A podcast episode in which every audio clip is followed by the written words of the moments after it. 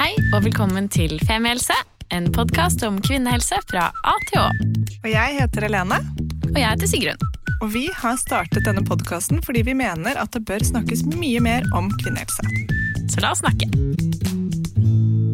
Hei, Helene. Hei, Sigrun. God morgen. God morgen, god morgen. Hvordan har du det? Jeg har det helt greit. Ja. Ja. Ok. Godt radiosvar. Absolutt. Ja, topp. Altså, jeg har jo Jeg har glemt mobilen min i dag. Ja, det var så rar følelse. Jeg leverte i barnehagen, og så skulle jeg opp hit, og det er liksom eh, Jeg tenkte sånn, å, nå skal jeg liksom gå og høre på en podkastepisode. Hadde litt god tid. Og så bare sånn Jeg har ikke telefon. Eh, som er en utrolig rar følelse. Først så var jeg sånn, jeg må gå hjem og hente den. Og så var jeg sånn, nei, det rekker jeg ikke og gidder jeg ikke. Da ble jeg veldig svett.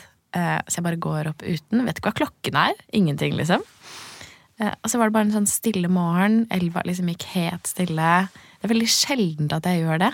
Sånn går helt i stillhet. Jeg gjør det noen ganger med vilje. At jeg er, sånn, jeg er sliten i hodet og slår av. Men nå bare gikk jeg i stillhet. Helt til angsten slo meg. Nå får jeg ikke med skrittelleren. Nei. Jeg vet det. Og nå har jeg liksom denne gode turen i litt sånn god fart oppover Akerselva her. Ja. Eh, og så kommer jeg ikke til å ha vært i aktivitet. Det kommer Nei. til å ha blitt en slapphetens dag. Oh. Ja, Så det var det verste, da. Og så tenkte jeg sånn, shit, hva hvis Helene har ringt meg? ja. Ok, Jeg håper hun tenker på å ringe til både og. Eh, Ja. For å spørre om jeg vil ha en smoothie på veien. Først så ringte jeg jo selvfølgelig foreldrene dine. Ja, lurt. Og, og så Jon, og så søsteren din, og så ja, rett til barnehagen. Ja. Og så kom jeg jo opp her da og fant deg, så da var det løst. Ja. Mm. Men det folk bra. er nok litt bekymret. ja. Ja. Nei, det er en veldig rar følelse, det å glemme mobilen. Man føler seg jo helt eh, Det er sånn man mangler noe. Og det er jo litt ekkelt at det føles så viktig. Ja. Så derfor var det jo bra at jeg hadde glemt den. Mm. Fikk tenkt på mange viktige ting. Blant annet 2024 må bli fruktens år. Ja. Fordi jeg har kommet fram til at jeg er ikke så glad i nordisk frukt. Epler og pærer og plommer. Ja, Eller plommer liker jeg, da. Men liksom, sånn, jeg, jeg spiser ikke frukt. Nei. Og det må man jo gjøre. Ja. Ja. Så um, jeg bare, jeg bare jeg, Det er noe med for meg, det er teksturen. Det er for søtt. Det er liksom, Jeg vet ikke hva det er. Eh, men jeg har fått en sånn avsmak på frukt som jeg da Dette er mitt personlige mål i 2024, dere. Fruktens år. Ja. Ja. Jeg tror kanskje en fruktsalat kan være løsningen, og ikke liksom måtte gnafse ja. det i sin reneste purhet. Jeg vet, for jeg har det samme problemet. Men det jeg må gjøre, jeg må behandle meg selv som et lite barn. Jeg må kutte det opp. Ja, men det er akkurat det. Og da går det. Ja, For nå tvangsspiste jeg en klementin før jeg gikk inn her. Ja. Gikk helt greit. Men jeg, jeg hadde jo ikke lyst på det, ikke sant? Ja. men det blir bare sånn, ok, trykk det på. Fordi jeg ble inspirert på veien opp. Nei, men altså Folk er forskjellige. Det kan jo godt hende at frukt ikke er for deg. At du er mer sånn carnivore. Du er veldig glad i grønnsaker, da. Jeg er kjempeglad i grønnsaker, og det har jeg kjempelyst på. Ja. Både nordiske og ikke-nordiske. Ja. Men når, vi, når det er snakk om noe søtt, så har jeg veldig mye mer lyst på en tørr kjeks. ja. Som jeg tror også handler om at den ikke er så søt. Nei.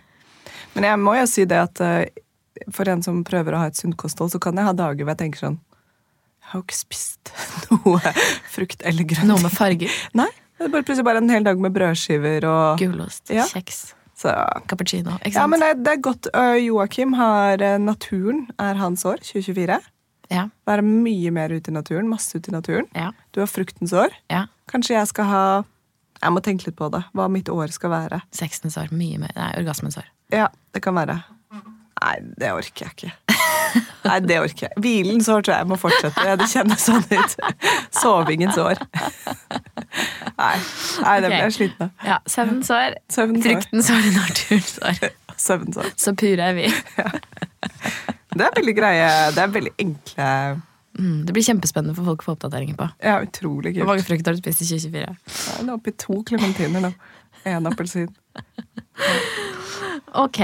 ehm, men vi kan jo kanskje zoome inn på dagens tema. Ja, Ja.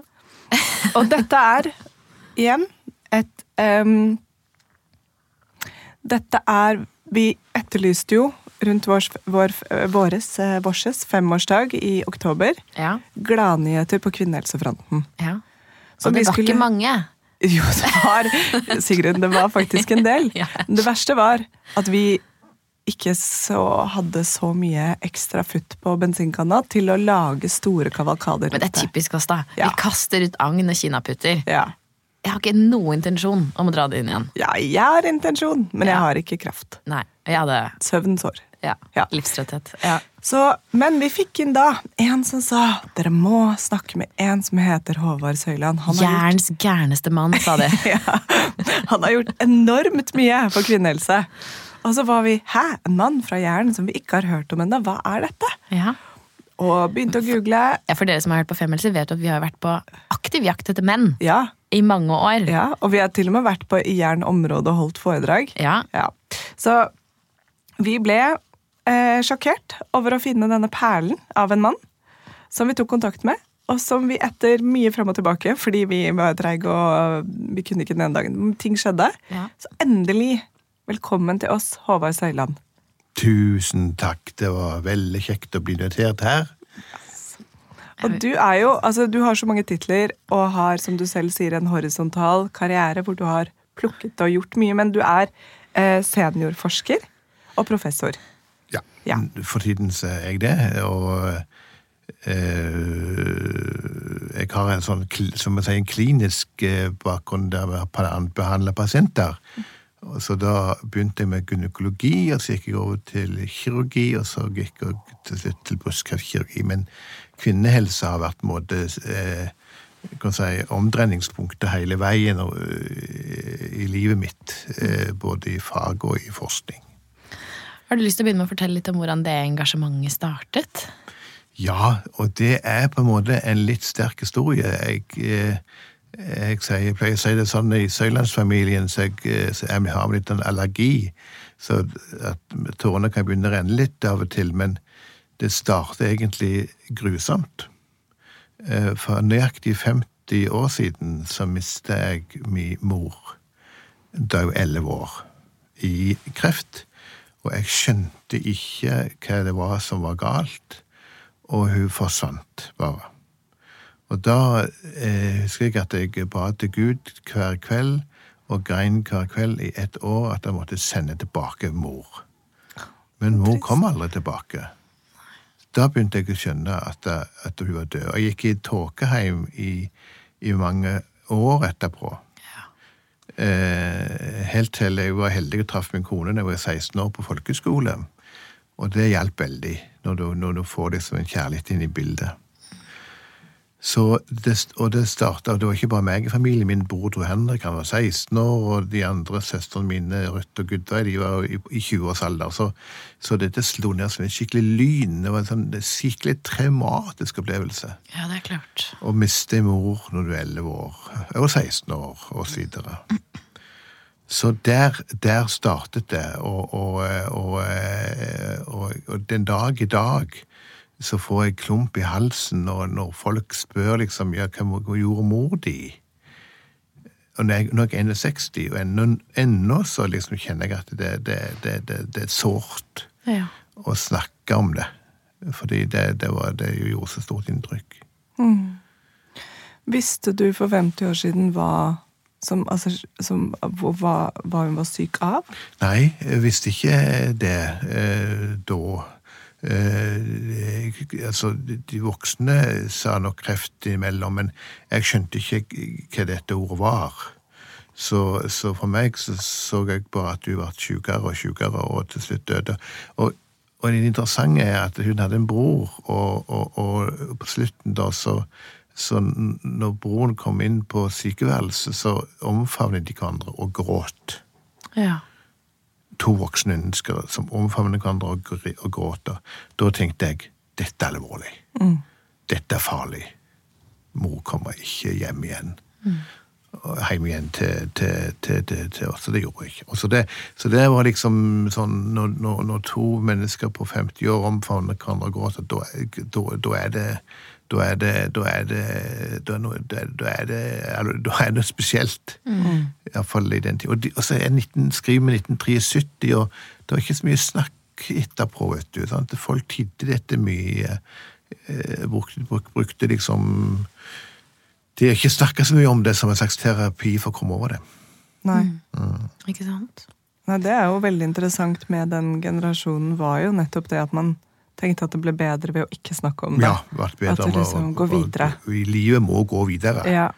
Og, og, og sånn, men for en ungdom som meg, så, så var det jo, jeg traff jeg min kone Marit, eh, heldig da jeg var 16 år, og det var jo på en måte eh, jeg sier En kjærlighet er det som klarer å, å, å snu en Når du har det vondt i livet, så, så er en forelskelse og kjærlighet det, er, er verdt 10 eller 50 valiumstabletter. Ja. Det, det, det, det, er en ekstremt kan si, stor effekt på, på sånn type følelser. Ja, det er en Så god det var, det var starten, på en måte. Det, det sjokket. Sjokk 1. Ja. Og da bodde du på eh, gården da fortsatt med faren din, men, Ja, men resten bodde vi bodde på far, med faren min, og da var vi eh, Mine søstre kom inn, og vi var veldig gode og hjalp til. og, og var morsfigur, i, delte på det å være en slags morsfigur for oss guttene. guttene. Så, eh, og etter hvert så ble jeg da først bioingeniør, eh, og, og, og, og etter hvert så kom eh, legespørsmålet opp i hodet mitt, og, og, og etter hvert så reiste vi til Bergen, og så ble jeg da lege. ja. Eh, og eh, og eh, jeg har en fin slips, slipsnål på meg. som ja, den er veldig fin. Ja. Ja, den er gull. Den er i det er keiser Hala- Haile Salassis gullgruver i Tsjakkis og Etiopia. Og, og den, eh, den eh, er det minne om, om den tiden jeg var i Etiopia i eh, tjeneste for Norsk Luthersk Misjonssamband. Eh, og da kom sjokk nummer to. Fordi min søster Ruth fikk brystkreft eh, to år før vi reiste ut. Og alt så fint ut, og fine greier, sa de legene, og jeg hadde ikke så mye peiling på det sjøl den gangen. Men mens vi er der ute, så dør hun av brystkreft, av tilbakefall. Hun får brystkreft, blir behandla, erklært frisk, men får tilbakefall etter to og et halvt år og dør. Ja. Mens vi er der ute. Mens du er i Etiopia. Mens er Etiopia. Og Ja. det var så traumatisk at jeg ikke hadde fått fatta opp, oppfatta at hun var så sjuk, og at, det, eh, at det, å komme hjem til hennes eh, sykeleie før hun døde, det rakk jeg ikke. Så jeg måtte ta farvel i telefonen, Uff. husker jeg. At, at, at vi, vi Det måtte vi gjøre i telefonen. Og da ble jeg så sint på Gud jeg holdt kaldkvele han. Og så tenkte jeg hallo, du, du, du, du kan ikke telle engang. Gjennomsnittlig alder er jo 84 år, og så tar du ekssøsteren min, og hun er bare 46. Og hun etterlot seg da barn på eh, 10, 12, eh, 15, eh, 19, 23 Ja. fem barn, ikke sant? Så det var kjempetraume. Det gjentok seg, historien gjentok seg. Og da begynte jo vi å tenke liksom på her kan det være kanskje et gen.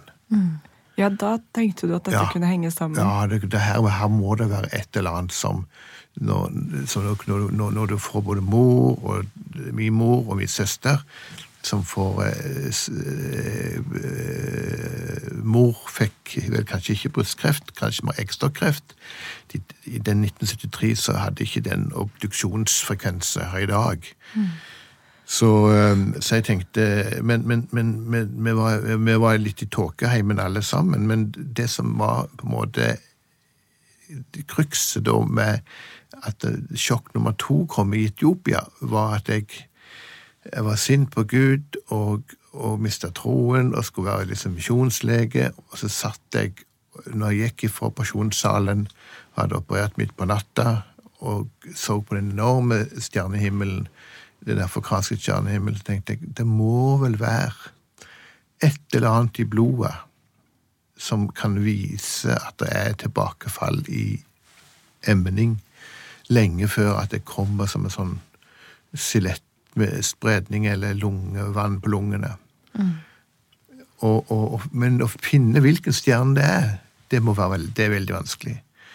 Men det, så min hypotese var den gangen at da, vi er nødt til å leite i blodet etter tidlig å få tilbakefallet, eller det som kommer, så fange det så tidlig som mulig.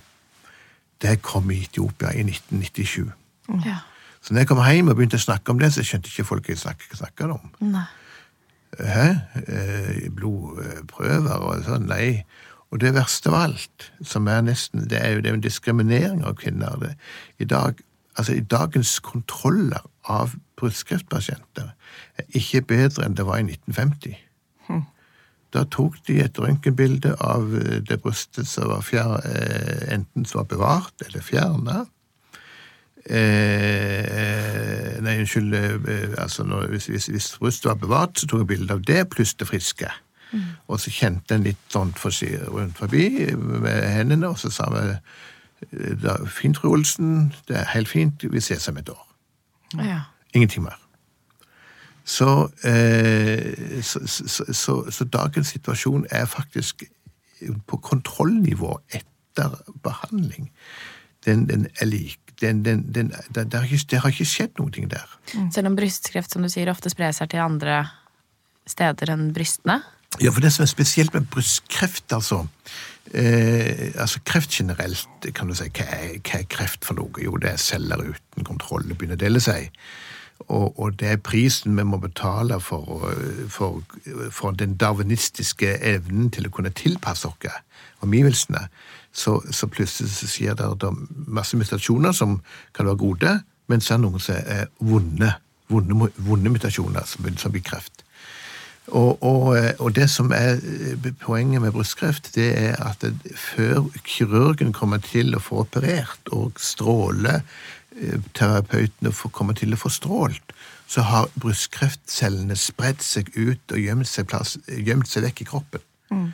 Og går i hi.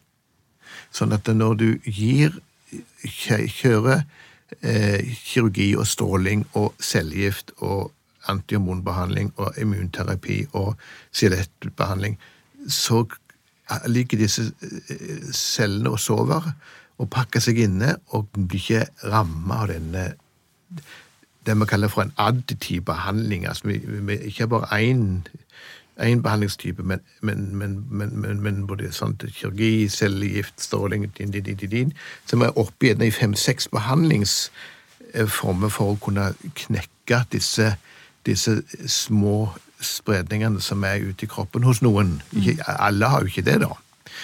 Så um, den, så det spesielle med brystkreft der er at det tidlig sprer seg ut. Og det var den norske onkologen Roar Nissen Meyer som i 1965 begynte å gi cellegift til brystkreftpasienter og, og, og, og, så en stor forskjell. Og, det interessante er at brystkreft har vært en markør, eller en slags modellsykdom for, for, for, for nye oppdagelser. For eksempel når Konrad Røntgen fant opp røntgenstrålen i eh, Ikke fant de opp, men oppdaget de i, i 1896, og allerede året etterpå så strålte de mot brystkreft. Wow. Altså, altså de Brystkreft var på en måte eh, fryktens sykdom. Og, og, og, i gamle dager så, så, var det jo det at enten så blødde de seg i hjel, eller så skreik de seg i hjel av spredning til skjelettet. Det var på en måte en enorm altså Brystkreft har vært en sånn, en, sånn skrekksykdom å få.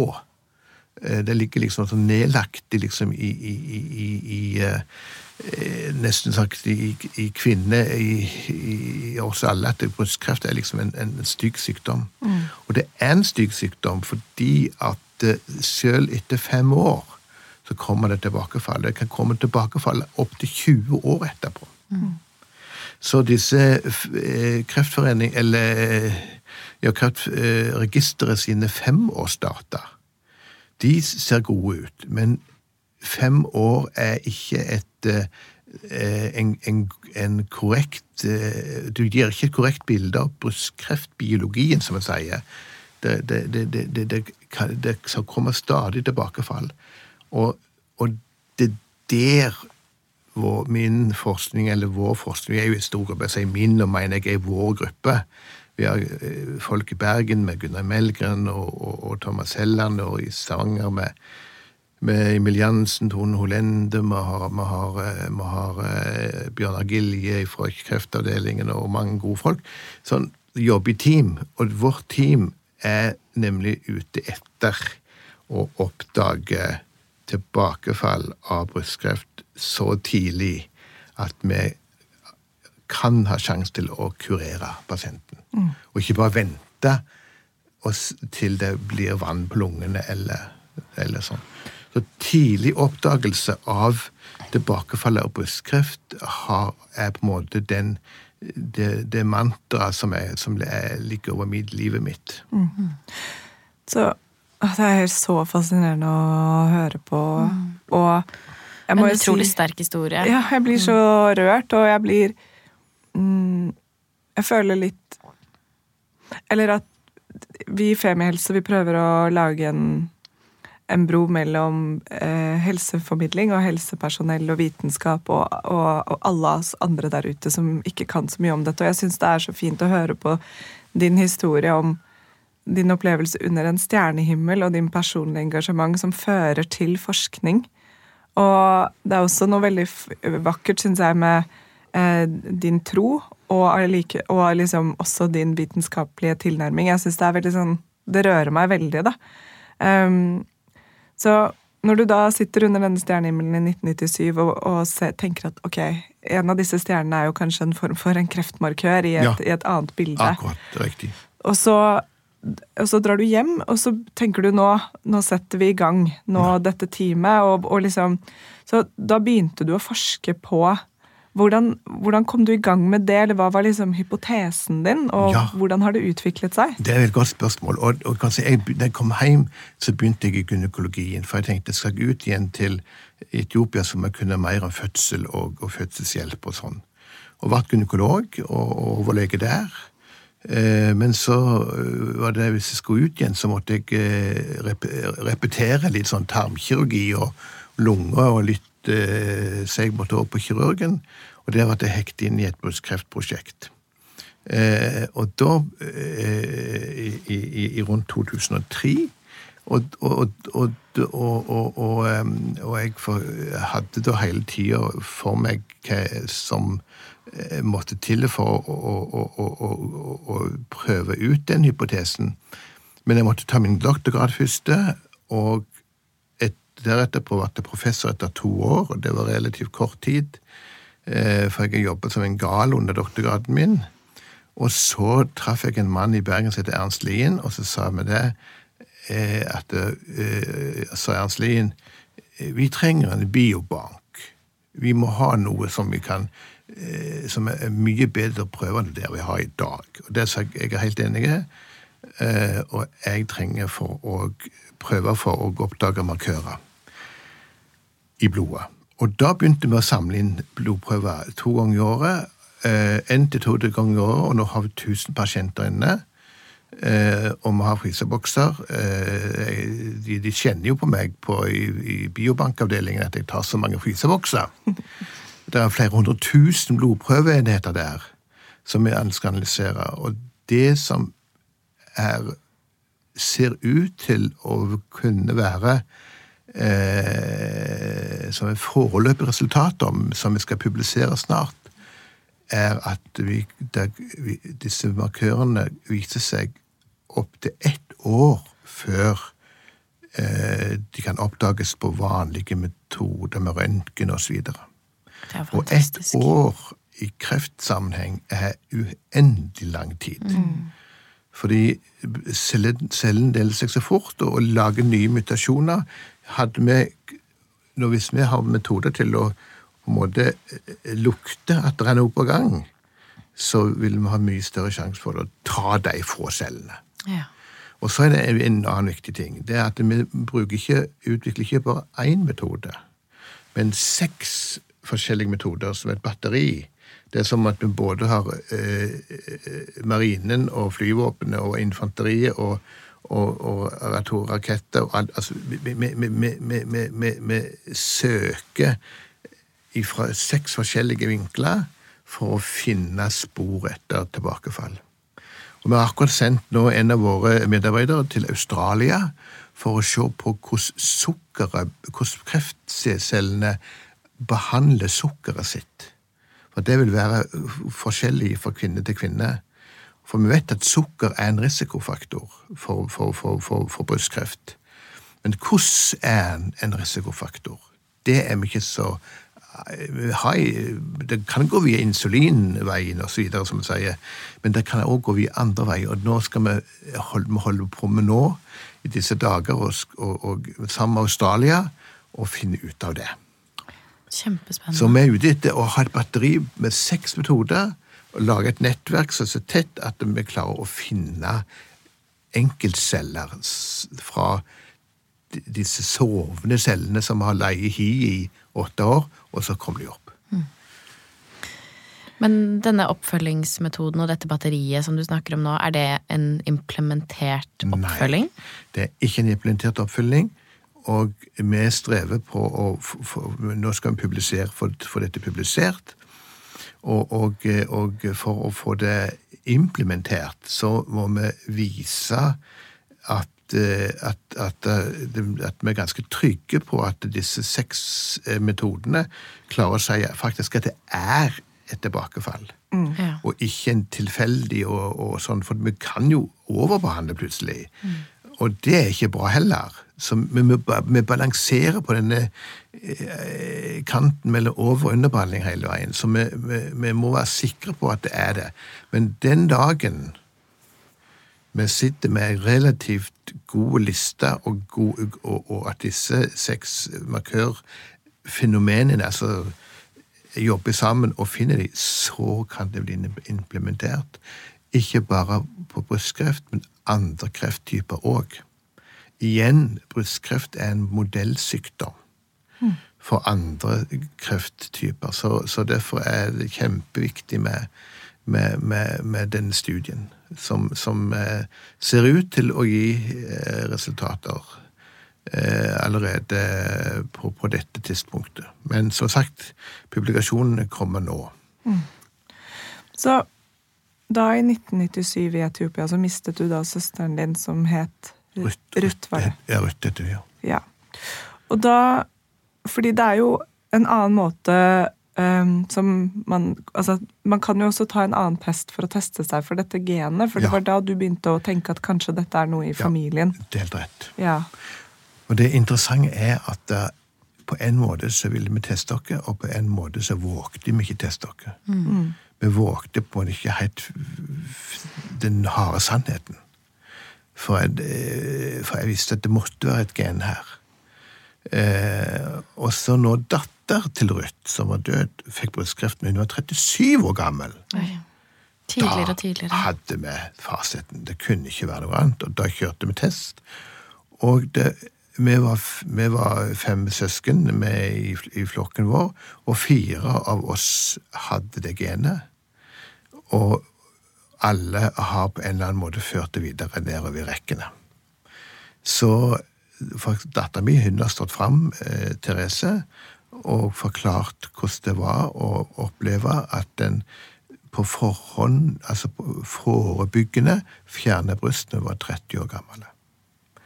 For, å- for å unngå eh, br- eh, å få brystkreft. Jeg må være så tidlig ute fordi at, eh, at eh, eh, Jeg må iallfall være fem til ti år før den yngste i familien, sier vi.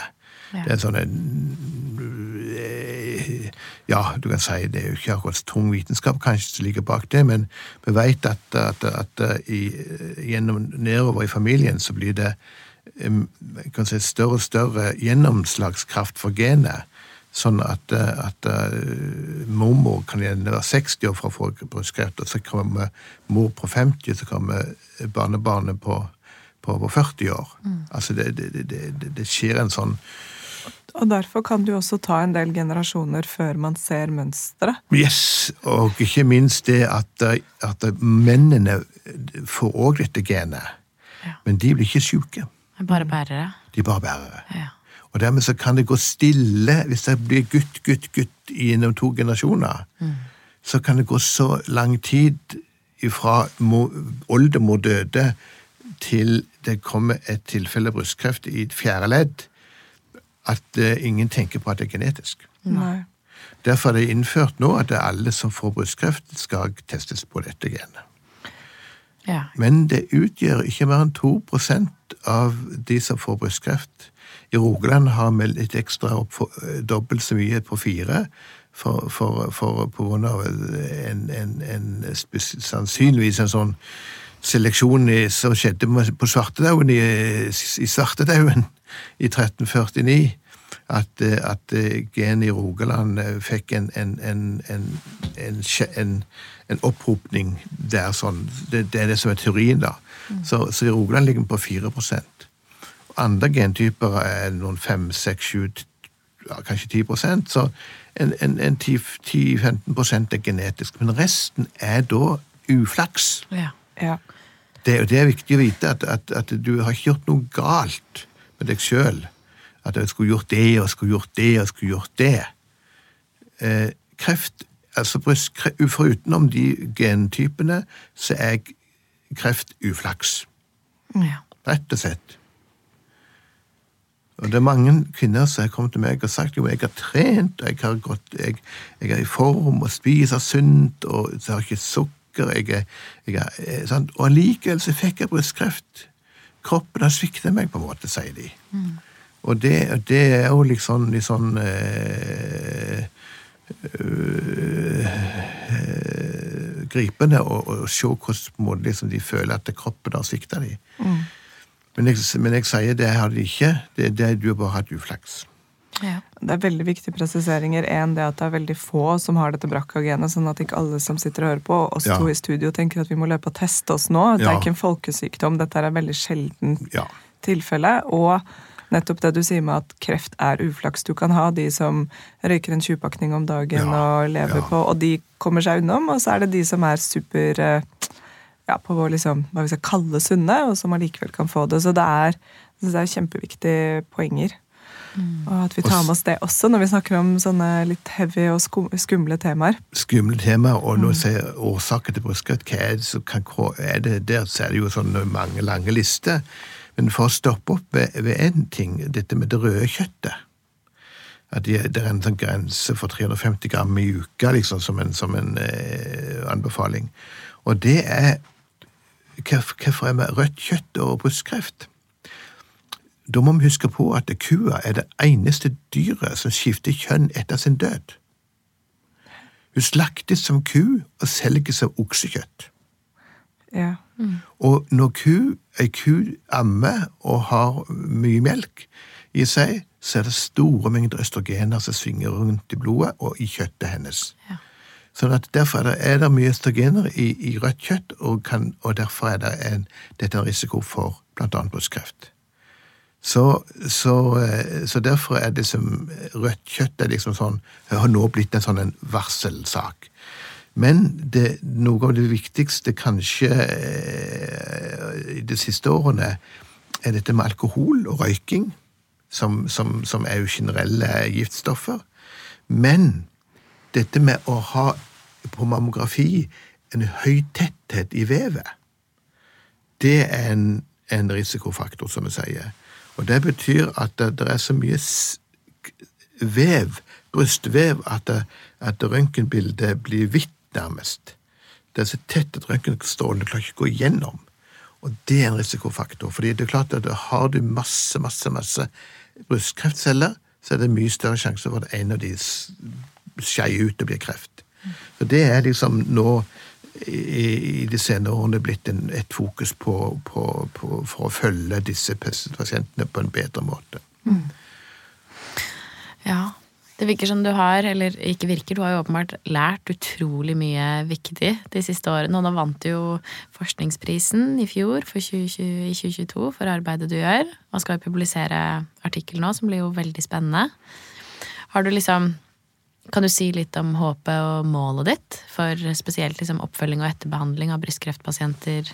Ja, og det er veldig Altså, det er, det er jo tre faser. Det ene er en tidlig oppdagelse av brystkreft. Det, det er liksom en egen sak med screening og, og, og kanskje gentesting i framtiden. Eh, på gener som både kan, kan, eh, kan te- på at det er brystkreft eh, si, fra starten av. Men så er det å gi- god behandling Og der har vi virkelig eh, de siste 30 årene gjort store framskritt. Som har gjort at femårsoverlevelsen er veldig god på, på brystkreft. Men som jeg sa, historien er ikke over til fem år. Det er derfor vi, vi har denne, den, den, den studien der vi, der vi ser etter tilbake, tilbakefall. Det som, det som jeg, jeg, eh, jeg tror blir eh, eh, Altså, noe av det viktigste framover nå, det er jo å utvikle stadig bedre medisiner. For altså, tidlig, tidlig tilbakefall med gode medisiner er, er, forklaringen for at dødelighetskurven har begynt å synke. Altså, det stiger, Antall nye krefttilfeller stiger, men, men, men, men dødeligheten har gått ned. Og det er på grunn av sam, altså, der vi jobber sammen som en gruppe. Eh, tidlig oppdagelse, god behandling. Men så må vi ikke glemme god oppfølging. Og der er det vi kommer inn. Og det som vi har sett òg nå i, i, i, i vår forskning, det er at det faktisk er det opptil 40% av kvinnene som stopper å ta medisinen sin. Kvinner, kvinner stopper etter de klarer ikke å holde ut. Fordi de får øh, øh, vaginal tørrhet, de får dårlig li, øh, libido, de, de, de, Livskvaliteten går ned, og så stopper de å ta medisinen. Og det å stoppe å ta medisinen sin fører til 170 eh, økt dødelighet. Så det er noe vi har funnet ut nå, og som er her og nå-kunnskap, som vi eh, s- setter ut i livet med bedre kontroller. Mm. Det er alle det vi spør om dette, og ser, ser på hva det som gjør at du ikke klarer å ta medisinen din. Kan vi hjelpe deg på en måte? Ja, for kan man altså, kan man også da hjelpe mot disse bivirkningene? Det, det, det, det må vel finnes liksom noe form for Ja, det fins midler for bivirkninger, men dessverre så er det estrogen som er det, Ja. det som er og, og, og det gir estrogen tilbake til en pasient som for, for, for, for når det gjelder risikofaktorer generelt, så er det en lang liste på det. Men, men, men, men, men, men, men, men alt i hermetegn konvergerer, som vi sier, mot østrogenpåvirkningen på stamcellene i brystet. Det som gir mutasjoner, og som girer seg sjøl opp. Etter å ha mutert, så får de cellene til å dele seg, og så er det sånn dobbel, de er sånn dobbel eh, farlig, for de kan både føre til en mutasjon og i tillegg økt celledeling. Så østrogener er en, en fellesfaktor her mye i, i, i årsakene. Så, eh, så eh, derfor er det klart at da, når du tar vekk østrogenene for å hindre eh, eh, at kreften skal komme tilbake igjen, så får du masse bivirkninger.